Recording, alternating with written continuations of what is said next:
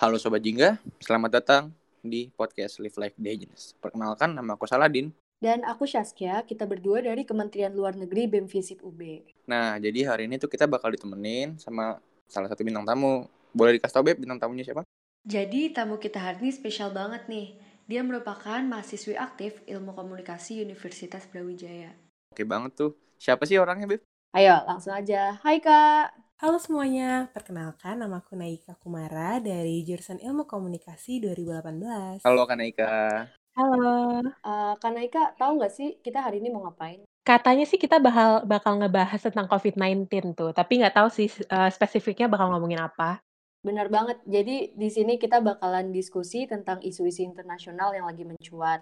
Dan harapannya teman-teman sekalian bisa menambah wawasan gitu. Nah, bener banget tuh teman-teman. Tapi eh, dari bahasan yang bakal kita bahas, kita punya salah satu bahasan yang benar-benar jadi fokus kita nih. Kira-kira udah pada tahu belum, teman-teman? Uh, mau kasih tahu nggak, Beb? Dikit aja yang mau kita bahas hari ini apa sih? Emang kita mau bahas apa sih hari ini? Uh, jadi tuh kita pengen bahas salah satu dampak. Bener katakan kata tadi kita membahas soal COVID-19 ya. Cuman kita bukan bahas persebaran dikit kita mention mungkin tapi kita nggak bahas dari sektor kesehatan yang pasti karena dampak COVID-19 itu kayaknya mainstream banget kalau dari segi kesehatan kan kita anti mainstream banget gimana gitu. Iya, jadi kita mau bahas dari salah satu dampak yaitu dari sektor ekonomi gitu ya, deh. Karena juga sekarang kan yang lagi jadi perhatian pemerintah banget itu di sektor ekonomi ya. Mm-hmm. By the way, kan Naika udah tau belum nggak perkembangan COVID-19 terkini gitu? Uh, perkembangan COVID-19 terkini sih di dunia. Ya seperti yang kita tahu yang paling banyak sekarang itu Amerika Serikat ya yang paling banyak ininya korban dan kasusnya tuh paling banyak di Amerika Serikat sekarang. Dan uh, gapnya di, di, dibanding negara-negara lain contohnya sama Italia yang waktu itu sempat katanya mengalahkan Cina dalam waktu singkat sekarang udah dikalahin sama Amerika Serikat. Benar banget tuh. Dan uh, bahkan uh, COVID-19 ini tuh udah mencapai lebih dari 3 juta kasus di seluruh dunia dan udah merenggut lebih dari 200 ribu nyawa di seluruh dunia. Mm -hmm. Gila gak sih? Dalam waktu sekejap itu bisa secepat itu persebarannya. Sumpah banyak banget gak sih kayak se secepat ini nyebarnya. Iya. Terus uh, ada fakta juga nih yang nyebutin kalau misalkan Indonesia sendiri itu udah mencapai 10.000 kasus diikuti yep. sama Singapura dan Singapura itu terbanyak di ASEAN ya. Dia udah 16.000 kasus dan Cina terbanyak di Asia 83.000 kasus. Dan uh, most of all tuh dari tiga dari semua seluruh dunia tuh terbanyak itu ada Italia, Spanyol dan juga Amerika yang lebih dari 200.000 kasus. Gila gak sih? Banyak banget sih. Nah kak, aku mau nanya nih, uh, gimana sih kak menurut uh, Kaneka tentang ini? Kok bisa gitu negara yang konon negara adik kuasa gitu negara superpower justru paling terdampak?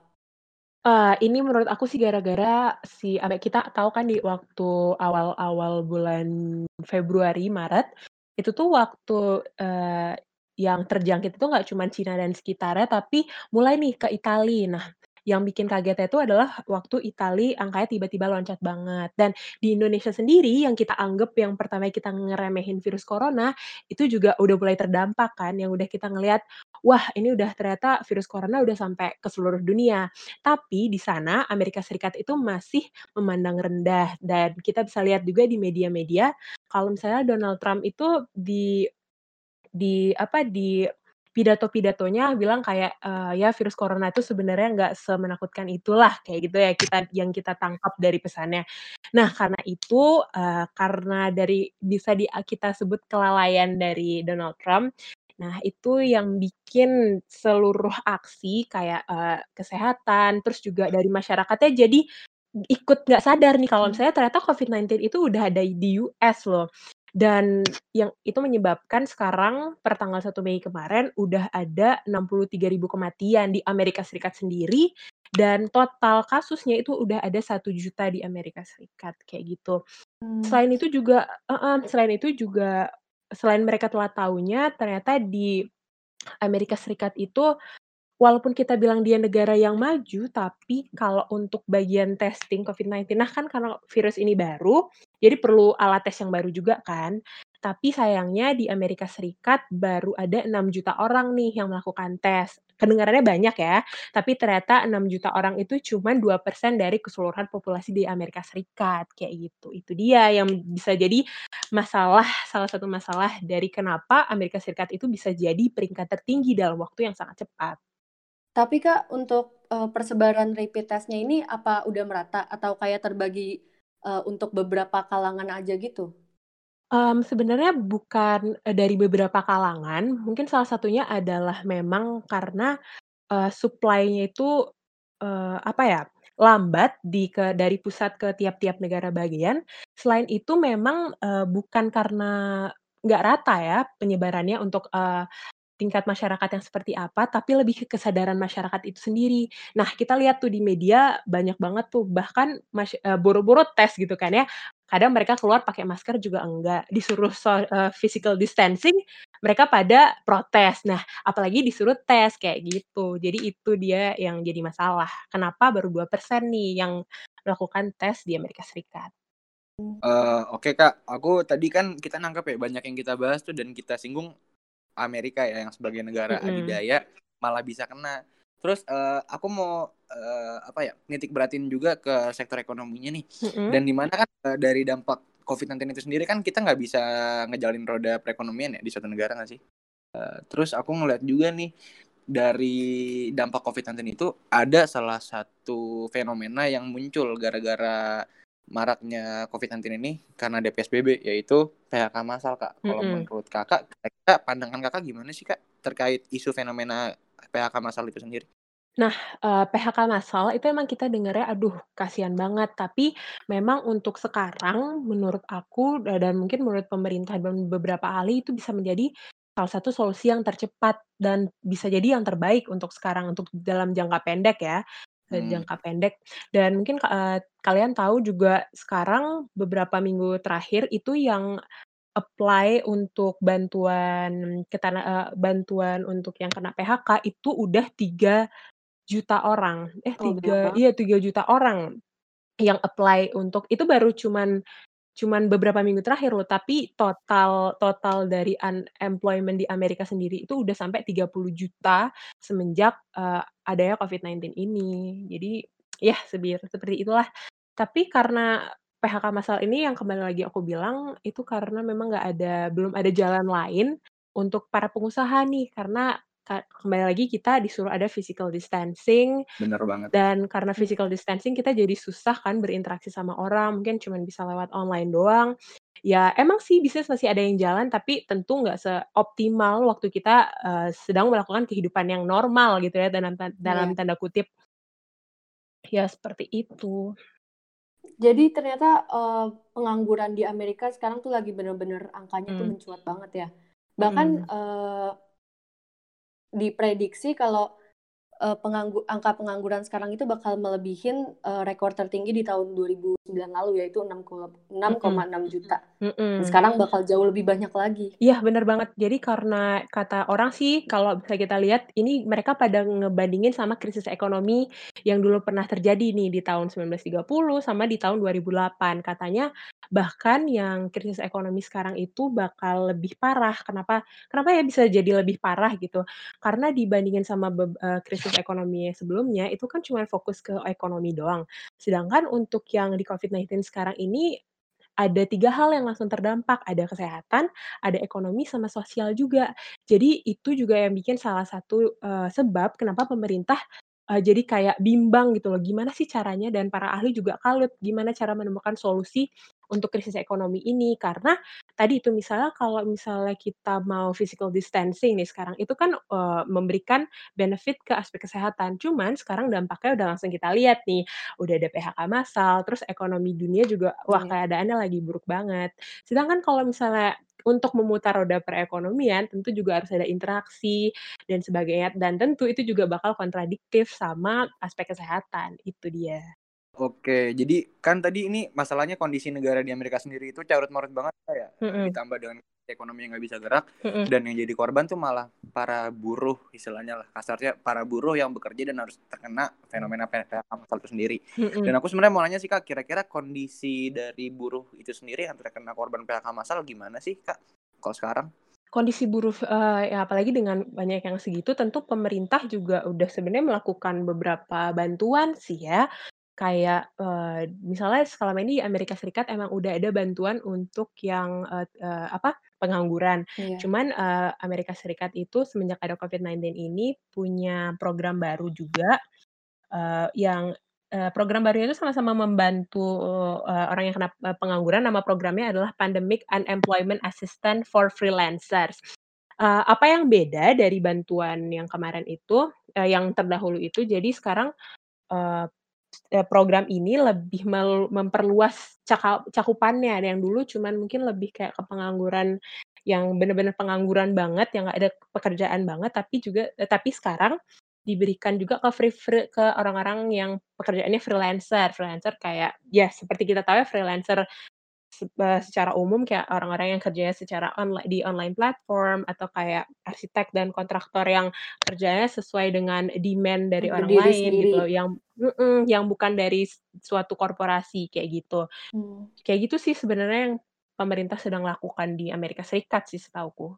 Tapi Kak, untuk yang terdampak PHK ini, apa mereka tuh, eee, setidaknya dikasih subsidi sama pemilik perusahaan atau mereka bener-bener dilepas gitu aja, Kak?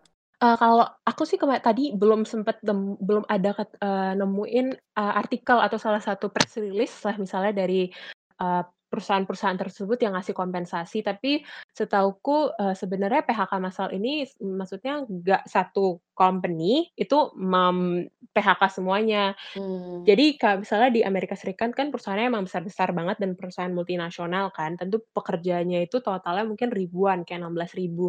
Tapi yang di-PHK itu mungkin cuman 10% dari totalnya. Tapi misalnya nih, ada 16.000 peker total pekerja yang di-PHK 10% itu udah 1.600 pekerja dong.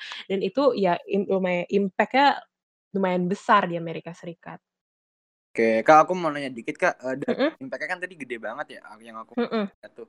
Terus, mmm, dari PHK massal ini kira-kira subsidinya itu ada angka yang ini nggak sih, Kak? Apa pemerintah udah ngasih stimulus atau suntikan dana buat para pekerja yang nggak dapet pekerjaan? Misalnya kan nggak bisa muter rekeningnya ya, soalnya di mereka juga nggak bisa Heeh, betul betul. nggak bisa takutnya kan mereka ketika nggak ada pemasukan nggak bisa nggak bisa, Kerja nggak bisa muter iya, nggak bisa beli, eee, keperluannya dan segala macem.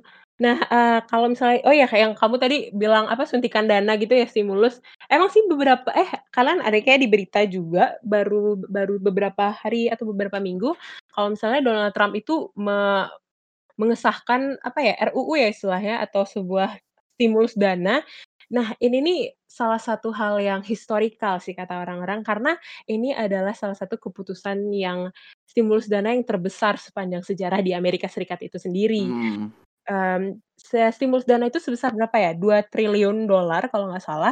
Itu juga dibaginya sebenarnya udah cukup merata, kayak udah ke rumah sakit, ke Iya. fasilitas itu, terus dipinjamkan kepada perusahaan-perusahaan kayak maskapai penerbangan juga. Terus untuk sebenarnya juga ada pembagian dihibahkan untuk usaha kecil menengah. Artinya lumayan dibagi rata ya dan, mmm, sebenarnya itu selain untuk membantu perseorangan, eee, orang-orang yang di di-PHK, itu juga membantu si perusahaannya itu sendiri untuk tetap berproduksi. Karena kalau misalnya mereka mati banget, itu malahan nggak membantu ekonomi negara itu sendiri gitu loh. Walaupun emang kecil-kecilan, yang penting ada masih ada perputaran uang dan itu lumayan bisa membantu, walaupun memang nggak profit, kayak gitu. Mmm. Dan oh ya, ini yang masalah stimulus dana itu sebenarnya, eee, adalah, eee, ak langkah yang udah pernah dilakukan di Amerika Serikat sebelumnya nih, kayak yang kalian tadi bilang, di krisis ekonomi tahun 2018 eh, 2018, 2008, 2008 2009. heeh, 2008, 2009 itu s mmm, Obama udah pernah melakukan keputusan ini juga. Mmm, ini sebenarnya waktu saat itu ya, waktu tahun 2008, kembali lagi saat itu masalahnya cuman ke krisis ekonomi aja. Stimulus dana ini menjadi, eee, jalan menjadi salah satu bantuan untuk keluar dari kondisi krisis itu. Cuman kalau untuk sekarang kayaknya yang apalagi dibilang dibandingin sama tahun 2008 itu 2020 ini lebih jelek lagi katanya kondisinya, menurutku ini harus dibantu lagi dengan bantuan-bantuan lainnya sih. Iya, bener sih. Kak, aku mau nanya dikit Kak. Mhm. Jadi kan sempat ada orang-orang di Amerika tuh yang demo kan, yang demonstrasi mereka Mhm. nggak mau uh, ngelakuin physical distancing. Yang Mhm. itu ketika mereka justru malah menambah potensi buat, Banget, banget buat benar. apa sih uh, menimbulkan penyakit baru lagi kan. Mhm. Pandangan kakak sendiri ter- terkait orang yang demonstrasi terkait larangan physical distancing gimana kak? Nah itu kembali lagi ke sebenarnya dari pemimpinnya itu sendiri ya, dan kita juga lihat dari apa yang mungkin kalian interpretasikan sendiri gitu loh di media-media gimana sih, Iya. eee eee, pidato-pidatonya dari pemimpin Amerika Serikat tentang coronavirus. Nah sebagai pemimpin tentu dong dia pasti bakal memiliki impact yang cukup besar terhadap opini di masyarakat itu sendiri. Nah karena apalagi kalian tahu ada yang ini kan, eee, COVID-19 itu kan asalnya dari Cina, kan kita juga tahu ya Amerika Serikat sama China itu sekarang hubungannya kayak gimana. Iya. Pasti ada senti sentimen nih di masyarakat Amerika Serikat terhadap virus tersebut gitu loh. Walaupun sebenarnya nggak ada hubungannya banget gitu loh sama ras mereka, tapi itu juga bisa memicu sentimen di masyarakat Amerika Serikat. Selain karena selain karena mereka, eee, di ada apa, ada impact dari pemimpinnya, ada juga dari sentimennya mereka dan rasismenya mereka. Dan mungkin juga penget eee, karena mereka udah terlalu nggak mau dengar duluan ya, udah batu duluan, dan ya jadinya kayak gitu, jadinya mereka mmm, eh bentar. Jadinya ya gitu, jadinya mereka, eee boleh ulang dari awal nggak? Yang Boleh boleh masalah boleh menurut boleh. gue Boleh boleh. nah heeh, sorry.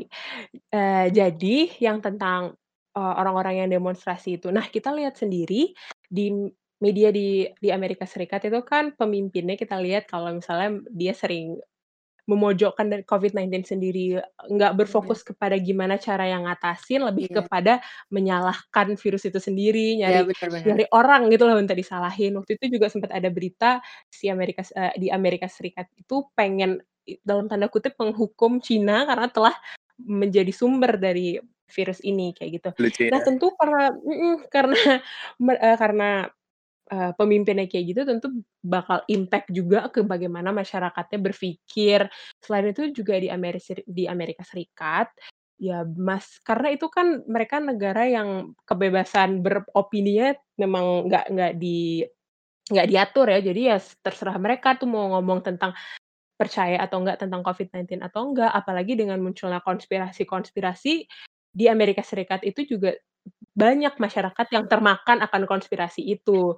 Itu Iya. sendiri selain, eee, pengaruh dari mereka juga selain pengaruh dari pemimpinnya, pengaruh dari cara mereka berpikir, itu yang menjadi dasar itu loh dari orang-orang di masyarakat di sana untuk nggak setuju sama, eee, physical distancing ini. Eee, cuman aku rada lucu sih Kak, masalahnya ngeliatnya tuh ketika fenomena kayak COVID-19 sekarang itu yang bakal jadi fokus di mana-mana dan itu menyebabkan semua Mhm. sektor kan bakal jadi anjlok ya, dari perekonomian, kesehatan, atau mungkin dari segi sosial mereka pun yang bakal terganggu dan kalau misalkan mereka nggak nurut sama peraturan pemerintah kan yang ada malah parah. Jadi Mmm. kira-kira ada solusi nggak sih Kak buat nurut apa, eee, istilahnya bikin ini orang-orang yang bandel biar nurut gitu?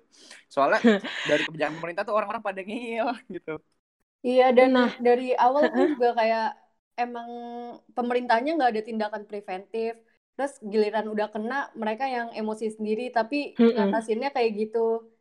Kira-kira solusi yang lebih, eee, soluti solutif tuh gimana sih, Kak? Nah, eee, sebenarnya itu, eee, masyarakat ini berpengaruh banget sama pemerintahnya mereka sendiri ya. Kalau, eee, ada informasi terbaru kalau misalnya beberapa negara bagian di Amerika Serikat itu udah mau reopen lagi, udah mulai membuka lagi teritorinya mereka gitu loh. Jadi kayak istilahnya di Indonesia larangan mudiknya udah dicabut. Jadi ada beberapa ne kan mereka dengan power-nya di negara-negara bagian sendiri, itu artinya mereka bisa reopening gitu ya. Iya. Dan di dari pemerintah pusat juga sebenarnya tidak itu kalian kata kalian tadi emang nggak terlalu kebijakannya nggak terlalu yang menuntut gitu loh, cuman dalam bentuk himbauan doang. Dan jadinya dalam bulan Mei ini kayaknya ada negara-negara bagian di Amerika Serikat yang udah mulai membuka lagi aksesnya, membuka lagi bisnis-bisnis mereka. Nah kalau misalnya kayak gini gimana coba masyarakatnya bisa serius untuk menghadapi COVID-19 ya kan. Kalau misalnya untuk cara sendiri tentu caranya yang lebih cara yang lebih baik itu pasti untuk sebenarnya ngekang mereka kan, mem Hmm. membuat Iya. peraturan yang benar-benar ngekang.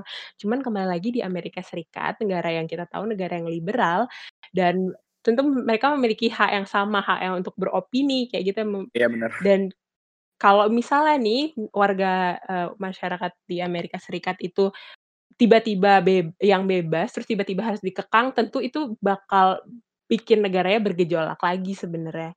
Kayak gitu. Kalau misalnya untuk gimana sih caranya mereka ngekang, eee, gimana caranya untuk mengurangi itu, eee eee, opini aku sendiri, aku nggak bisa ngasih opini, nggak bisa ngasih solusi ya tentang ini karena, ya itu tadi dari ideologi negaranya yang liberal, yang membe yang dan kebiasaan masyarakatnya yang nggak mau dikekang dengan pemerintah, gimana coba caranya sekarang tiba-tiba harus dikekang. Nah kita bandingin juga sama negara-negara yang lumayan, eee, pemerintahnya lumayan punya, mmm, apanya, yang power-nya sangat, eee, mengatur masyarakatnya kayak Vietnam gitu kan ya. Hmm. Kita lihat itu di ASEAN itu sesuatu yang heboh gitu loh, sesuatu yang, wah keren banget nih, kita Iya. keren banget nih lihat Vietnam hebat ya bisa dalam lumayan cepat gitu loh, cepat dan tanggap. Nah itu mungkin karena Vietnam memang warganya sudah terbiasa diatur diatur hak dan kewajibannya, eee, secara lebih besar daripada di Amerika Serikat, mungkin itu juga yang jadi kenapa sih Amerika Serikat bisa,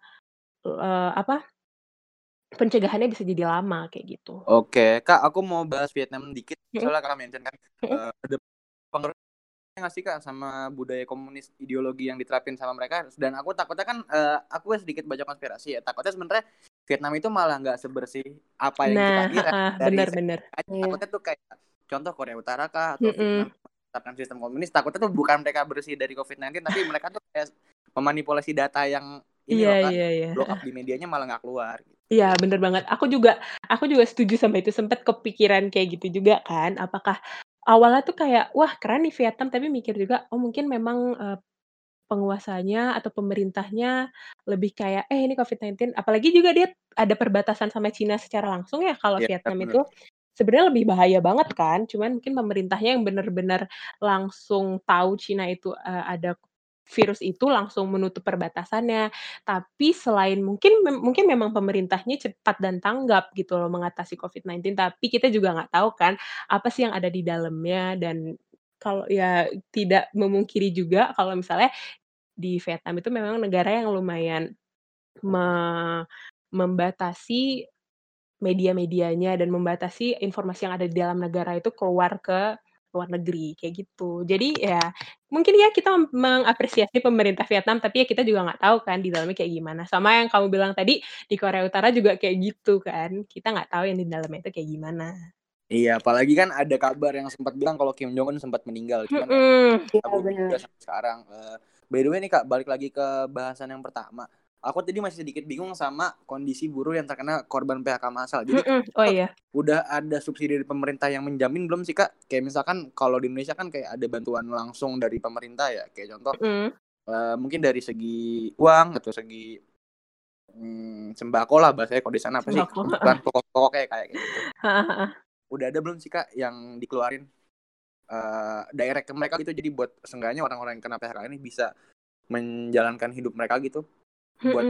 1 bulan dari sekarang mungkin ya? Eee, ya kalau misalnya keadaan PHK sekarang yang tadi kayak yang kayak yang Shasky bilang, itu kalau misalnya kita nggak tahu ya company eee, company, Mhm. perusahaan-perusahaan di sana itu bisa ngasih atau enggak, yang so far di media dan di press release juga belum dikasih belum ada yang secara luas gitu loh bilang kalau misalnya mereka memberikan bantuan nih kepada pekerja-pekerja yang di PHK maupun yang nggak di PHK. Iya. Dan dari pemerintah sendiri juga da dari pemerintah Amerika Serikat, eee, kalau misalnya yang tadi aku bilang ada Pandemic Unemployment Assistance for Freelancer. Jadi bantuan untuk yang pengangguran itu sekarang lebih diluaskan oleh pemerintah Amerika Serikat, selain tadi aku bilang cakupannya, tapi juga lebih ke nominalnya yang biasanya dulu itu sekitar $300, sekarang dinaikkan jadi $600 per minggunya, kayak gitu. Oke, jadi itu per kepala ya, Kak, ya, dapat 600 Iya, per kepala pe iya, per kepala. per bulan ya tapi dia dikasihnya? Eee, kalau ditulisnya sih per minggu itu sebenarnya. Tapi aku masih bingung sih, Kak, kalau misalkan emang per minggu atau per bulan yang aku sebenarnya kan nggak tahu datanya, tapi kira-kira bisa nggak sih kak dalam dengan uang segitu orang-orang di Amerika bisa bertahan hidup ditambah dengan living cost mereka tuh yang nggak nggak murah gitu. Sedangkan mm -mm. berapa sih sekitar 600 dolar atau 400 dolar tuh sekarang kalau dikonversi ke Indonesia? Pasti nggak banyak 15. ditambah nggak banyak ya? karena nggak sampai puluhan juta ya? Berapa sih 15 hmm, juta ya? Bener banget kak. Jadi tahan nggak mereka kira-kira buat bisa mempertahankan jumlah uang segitu di, di tengah-tengah kondisi yang mereka nggak bisa iya. ngasih pemasukan sama sekali ke rekening. Apalagi kan Amerika kan uh, lifestyle-nya tuh tinggi banget. Terus mm -hmm. belum banyak lagi orang Amerika tuh yang emang tinggal tuh nggak di rumah beneran ya, tapi mm -hmm. rental gitu mm -hmm. rumahnya. Mm -hmm. Jadi tuh uh, gimana sih solusi mereka gitu? Um, yang kayak tadi Saladin nanya ya apakah cukup? Ya kalau misalnya kita logik aja yang tadi kita bilang sekitar 15 jutaan menurutku itu nggak cukup banget sih. Apalagi mereka walaupun mereka emang nggak ke mana-mana nggak ada biaya transport tapi kan mereka juga harus ada living cost-nya mereka ada biaya air listrik dan rental yeah, yang tadi kamu bilang ada biaya makan juga. Tapi um, Mungkin dengan karena mereka nggak keluar, mungkin itu bisa jadi cukup. Tapi untuk beberapa bulan ke depan, kita nggak bisa menggaranti sih apakah itu cukup apa enggak. Apalagi di ini, di tentang si program bantuan itu tadi, kalau kata di datanya itu masih ada 70% yang sebenarnya belum mendapatkan bantuan itu. Nah, yang baru mendapatkan bantuan, jadi kan kan mereka tuh hmm. nggak apply gitu kan di pro program ini, dan abis itu diproses dan dapat bantuan. Nah, yang baru dapat bantuan dana itu baru 29% dari total yang mendaftarkan, kayak gitu. Jadi emang bener belum bener-bener di mm bisa diratain gitu ya, Kak? Mm bener banget. Tapi berarti ini damp uh, eh kebijakan yang dilakuin sama pemerintah tuh belum belum ada dampak secara signifikan dong untuk keberlangsungan hidup? Dan uh, belum bisa hmm. jadi solusi yang cukup baik untuk mereka?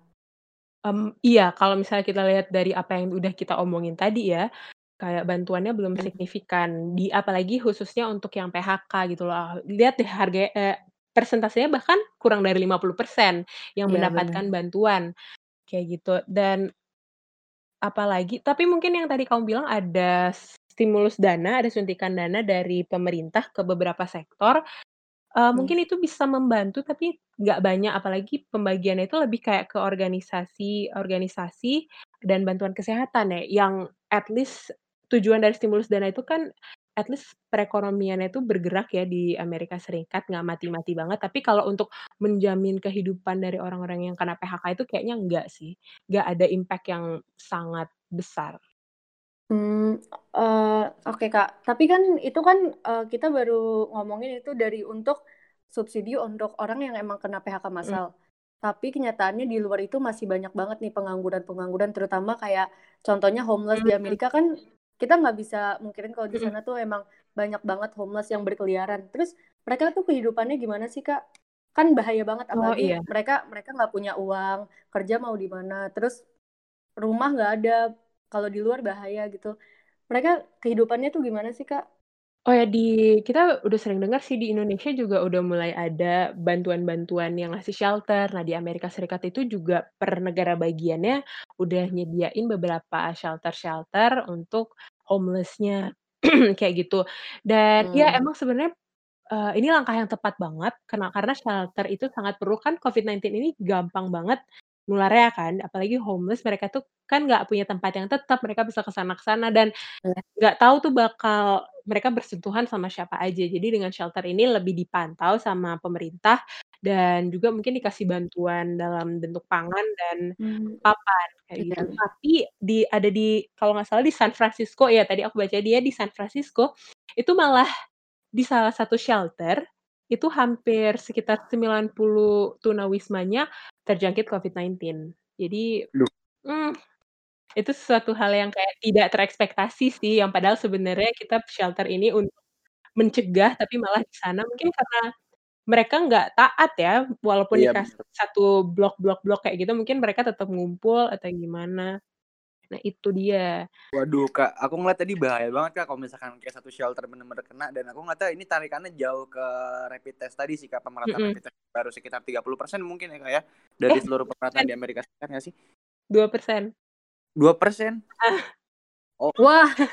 dan, dan aku mikirnya gitu kan malah justru kan orang-orang yang punya tempat tinggal gitu kan mm dia masih punya flat buat mereka tinggal atau mereka amin-amin punya rumah masih bisa lebih aman kan tinggal mereka nurut sama kebijakan pemerintah dan aku mikirnya gini apakah kira-kira pemerataan apa uh, rapid test dari COVID-19 ini sendiri di ada nggak sih kayak peraturan yang ditujuin duluan ke orang-orang yang homeless? Soalnya kan bener-bener yang bakal kena dampaknya langsung tuh orang-orang yang tinggal di jalan nggak? Karena mm -hmm. tahu kayak iya. penyebaran lewat mana kan ada isunya yang bisa lewat udara juga yang biarpun cuma tiga jam. Teman ya namanya orang di luar di luar rumah tuh mereka nggak nggak safe sekarang kak. Gitu. Paling aku pagi nggak ada rumah. Iya nggak ada rumah lagi dan iya sebenarnya tuh uh, aku juga masih kepo ya. Sebenarnya pembagian rapid test ini tuh prioritasnya ke mana sih kayak hmm, kalau di Indonesia nih ya kayak contohnya ada pihak-pihak uh, petinggi yeah. yang sangat memprioritaskan diri mereka sendiri gitu. Nah, kalau di Amerika ini sendiri tuh gimana? Siapa duluan yang bakalan diprioritasin? Hmm, kalau masalah rapid test yang tadi aku baca bedanya di Amerika ini rapid testnya kayak lumayan accessible, lumayan banyak. Jadi oh, iya. awalnya itu cuman untuk Cu awalnya rapid test ini cuma disediakan oleh pemerintah, tapi sekarang, uh, pemerintah sudah mulai kolaborasi sama laboratorium-laboratorium laboratorium swasta kayak gitu. Terus juga sudah mulai ada develop, uh, alat tes yang bisa dilakukan di rumah sendiri, tapi itu kayak masih hmm. dalam tahap perkembangan. Cuman, uh, itu dia, jadi sebenarnya bagusnya adalah bedanya dengan Indonesia, di Amerika Serikat itu lebih accessible, sebenarnya udah banyak, terus kayaknya, uh, karena tadi juga nggak mahal, jadi kayak kayak udah grat gratis juga di gratis tapi dia accessible-nya lebih banyak ada di laboratorium mana-mana. Cuman kembali lagi hmm. itu sebenarnya masalahnya karena kesadaran masyarakatnya. Itu sih bedanya di Indonesia sama di Amerika Serikat, sebenarnya udah ada fasilitasnya, di Amerika Serikat mungkin fasilitasnya sudah lebih cepat berkembangnya daripada di Indonesia, walaupun sebenarnya sebelum ada stimulus dana ini, rapid test itu juga sempat terhenti dan nggak optimal gitu loh dengan dibandingin sama populasi di Amerika Serikat ya. Itu tuh nggak optimal hmm. karena masih per hari itu masih cuman beberapa ratus beberapa ratus beberapa ratus kalau nggak salah. Tapi sekarang udah mulai meningkat meningkat tapi uh, karena populasinya yang begitu banyak masih tetap harus ditingkatin lagi nih kemampuan dari rapid test di Amerika Serikat itu sendiri.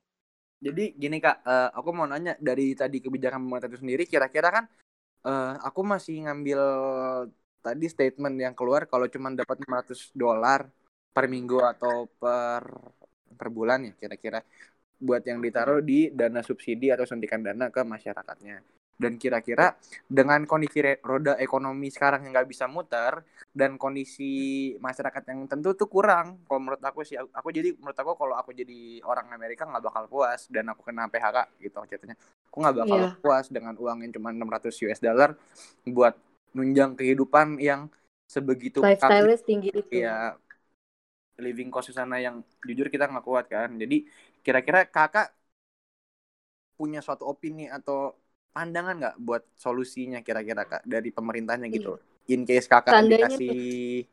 suatu apa suatu wewenang gitu kakak Wih, jadi Trump atau iya. jadi senator di salah satu negara bagian di Amerika Serikat kita nggak tahu aminin aja kan boleh boleh boleh nah kalau misalnya apa yang kira-kira aku bakal lakuin kan yang kayak tadi aku bilang ini sebenarnya bahkan para ahli juga nggak tahu nih mau ngapain di Amerika Serikat hmm. karena memang setiap negara ini dengan kemampuan ekonominya mereka dan masyarakatnya mereka itu tentu beda-beda ya. Tapi kalau misalnya kita cari uh, beberapa data, udah banyak negara yang lumayan recovery-nya, recovery ekonominya lumayan lumayan bagus. Kayak mereka hmm. melakukan beberapa uh, apa beberapa kebijakan-kebijakan kayak lebih banyak fokus ke pajak sih, lebih banyak fokus ke pajak kayak mereka itu menunda pajaknya, terus kayak misalnya pajaknya dibuat tidak ada bunganya lebih sedikit. Kalau misalnya, uh, ada apa, telat bayar pajak itu berusaha dikasih bunganya itu lebih sedikit aku juga nggak paham banget tentang perpajakan, tapi kurang lebih seperti itu. Terus juga oh ya ini aku ngambil salah satu studi uh, salah satu cara itu dari negara Estonia. Itu, uh, dia juga ngasih subsidi sekitar, uh, 70% ke para pekerja uh, para pekerja di sana. Nah mungkin kurang lebih sama ya sama di Amerika Serikat juga Amerika Serikat juga memberikan bantuan gitu ke pekerja-pekerjanya khususnya yang di PHK. Terus di Estonia juga uh, caranya sama-sama ngasih subsidi, tapi mekanismenya kayak 70% gitu kan, mungkin lebih rigid juga yang Hmm. dikasih uang itu, oh 70%. Terus juga oh ya kalau misalnya di sana itu, di negaranya yang mengkompensasi, kalau misalnya oh ya kan kita udah banyak nih event-event yang nggak jadi, misalnya event-event olahraga kayak gitu, terus konser-konser gitu lah Iya. misalnya, itu di sana mereka dikompensasi. Kalau misalnya kan mereka tentu rugi kan, udah udah nyewa Bener. udah nyewa venue dan segala macam segala macam, jadinya mereka di sana dikompensasi untuk event-event yang di bakal dilaksanakan Maret atau bulan April yang lalu. Jadi, ya kayak gitu. Terus juga, oh ya masalah pajak lagi, mereka juga ngurangin, eee, menurunkan pajak ke beberapa ini sih, beberapa sektor kayak online sektor ya, kayak gitu. Mhm. Jadi sebenarnya tuh bisa dicontoh juga ya ke negara-negara lain kalau emang Mhm. udah bener eee, solusi yang benar-benar bisa merata gitu. Mmm. Tapi balik lagi sebenarnya negara itu, eee, beda-beda, belum tentu di Amerika bisa bisa diterapin hal yang kayak gitu. Nah iya, sama apalagi mungkin kalau misalnya kita daripada daripada suatu pem eee, pemerintahan negara itu lihat ke negara lain, mungkin bisa juga ke bercermin ke waktu krisis ekonomi tahun 2008, ya nggak sih? Kayak Mhm, cara. Iya, mereka benar. recovery dari situ gitu. Walaupun emang nggak sama, tapi mungkin bisa dilakukan dengan hal dengan hal mungkin dengan inovasi-inovasi baru gimana caranya recovery dari krisis yang sekarang, kayak gitu. Oke, jadi, eee, dari perbincangan kita bertiga tadi di podcast ini, kita bisa ngambil kesimpulan nih, eee, gimana Beb, mau nambahin nggak kira-kira kesimpulannya? Lu yang buka deh. Oke, jadi kesimpulannya itu emang dari dampak COVID-19 itu tuh sangat, eee, berdampak besar ya bagi perekonomian negara dan salah satu contoh negara yang ngalamin anjloknya itu, yaitu negara AS ya, Amerika Serikat yang, eee, katanya tuh merupakan nega negara kapitalis yang sangat bergantung pada sektor industrial. Dan, eee, yang mana kondisi kapitalisme ini tuh, eee, nuntut masyarakat untuk, eee, memaknai hidup dengan cara untung rugi yang istilahnya tuh kepentingan diri gitu loh. Jadi gini yang aku tangkap juga dari fenomena COVID-19 ini, dengan kondisi di Amerika Serikat yang carut-marut kayak sekarang, pemerintah pun sekarang tuh nggak bisa ngasih kebijakan yang sekiranya bener-bener menaungi, eee, seluruh Hmm. lapisan masyarakat yang emang sekiranya membutuhkan. Kayak contoh nih, bisa kita ambil dari angka kisaran $500 yang jadi subsidi pun itu menurut menurut kita ya, belum belum cukup buat, eee, apa, menyambung hidup mereka di sana. Jadi, Iya. tadi tuh kita nanya dikit ke Kak Naika kan, kira-kira kalau Kak Naika jadi eee, pejabat Jadi negara Trump lah gimana? Trump gitu, Kakak Iya. ngelakuin apa kan tadi, gitu. Iya, betul. Eee, apa ya Kak tadi bisa diulang? Nah, oh iya tadi pokoknya tuh lebih kayak kebantuin ke pajaknya gitu loh, kan mereka Iya. kewajibannya sebagai warga negara kan membayar pajak ya, dan Iya. salah satunya mungkin negara itu bisa membantu dengan cara mengurangi beban mereka di bagian pajak, itu sih intinya. Iya, bener Hmm. banget. Oh ya oh ya, tambahin satu lagi sebenarnya sempet ini kayak ekonomi banget yang masalah jadi selain menyuntikkan dana ke beberapa sektor usaha, mungkin kayak Amerika Serikat bisa menyuntikkan dana ke pasar sahamnya mereka sih, karena Oh iya. iya. negara, eee, Amerika Serikat itu kan juga negara yang, wah banyak banget tuh perusahaan-perusahaan di sana, apalagi Mhm. multinasional kan. Nah, di sana mungkin kalau misalnya Amerika Serikat bisa menyuntikkan dana gitu ke pasar sahamnya, mungkin bisa membantu juga di ke krisis dan kehiruk-pikukan di Wall Street itu sendiri. Ya, Oke, tapi jadi jujur aku juga nggak paham sih, tapi ya seperti itu yang aku dengar-dengar dan aku lihat-lihat, kayak gitu. Wah gila, kita ngomong luas banget topiknya nih. Iya, parah. Sampai gembel pintar, ngomongin. Iya, jadi kira-kira ini sih yang jadi kesimpulan kita, kalau Iya. misalkan emang pemerintah niat buat nanggulangin suatu COVID-19, nggak bisa pemerintahnya sendiri yang gerak kalau aku lihat. Soalnya kan tadi juga, eee, banyak masyarakat Amerika sendiri Amerika Serikat sendiri tuh yang masih ngeyel. Jadi kayak harus ada, Iya. apa ya, ada keseimbangan lah di antara masyarakat dan pe pejabatnya sendiri. Kalau misalkan emang mau nanggulangin ini penyak apa, eee, pandemi, biar pada akhirnya tuh nanti roda ekonomi bisa bergerak, karena sampai sekarang pun belum ada solusi yang benar-benar solutif kalau menurut aku, dan Kak Naika juga tadi. Semua baru sekiranya kayak angan-angan ya, Kak, ya. Mhm, ya belum ada cara yang tepat gitu rasanya. Oke, jadi sekiranya itu, eee, hasil bahasan kita di diskusi sama Kak Naika hari ini terkait uh, dampak COVID-19 di sektor ekonomi uh, yang lebih kita khususkan kepada korban-korban PHK massal. Jadi uh, kita makasih banget nih buat Kanaika dulu pertama-tama makasih kayak ya, udah mau nemenin. Makasih, ya, makasih banyak Baby dan Es. Ngobrol sama kita. Iya Baby dan Saladin. Terima kasih banyak lu Gri dan BEM Visip UB. Iya. Kita mohon maaf juga kalau misalkan banyak kesalahan di podcast kita ini. Cuman semoga podcast kita ini bisa bermanfaat, yeah. bisa menambah wawasan kalian semua, bisa menjadi Amin. titik pembuka informal untuk kalian semua gitu deh. Oke, okay, uh, sekian uh, podcast kita kali ini. Terima kasih semuanya yang udah dengerin. Uh, jangan lupa ya pantengin terus kita di episode berikutnya. Thank you Sobat Jingga. Iya, makasih banyak Sobat Jingga. Dadah. Jangan lupa jaga kesehatan tuh kata Oke, okay, bye. Dah.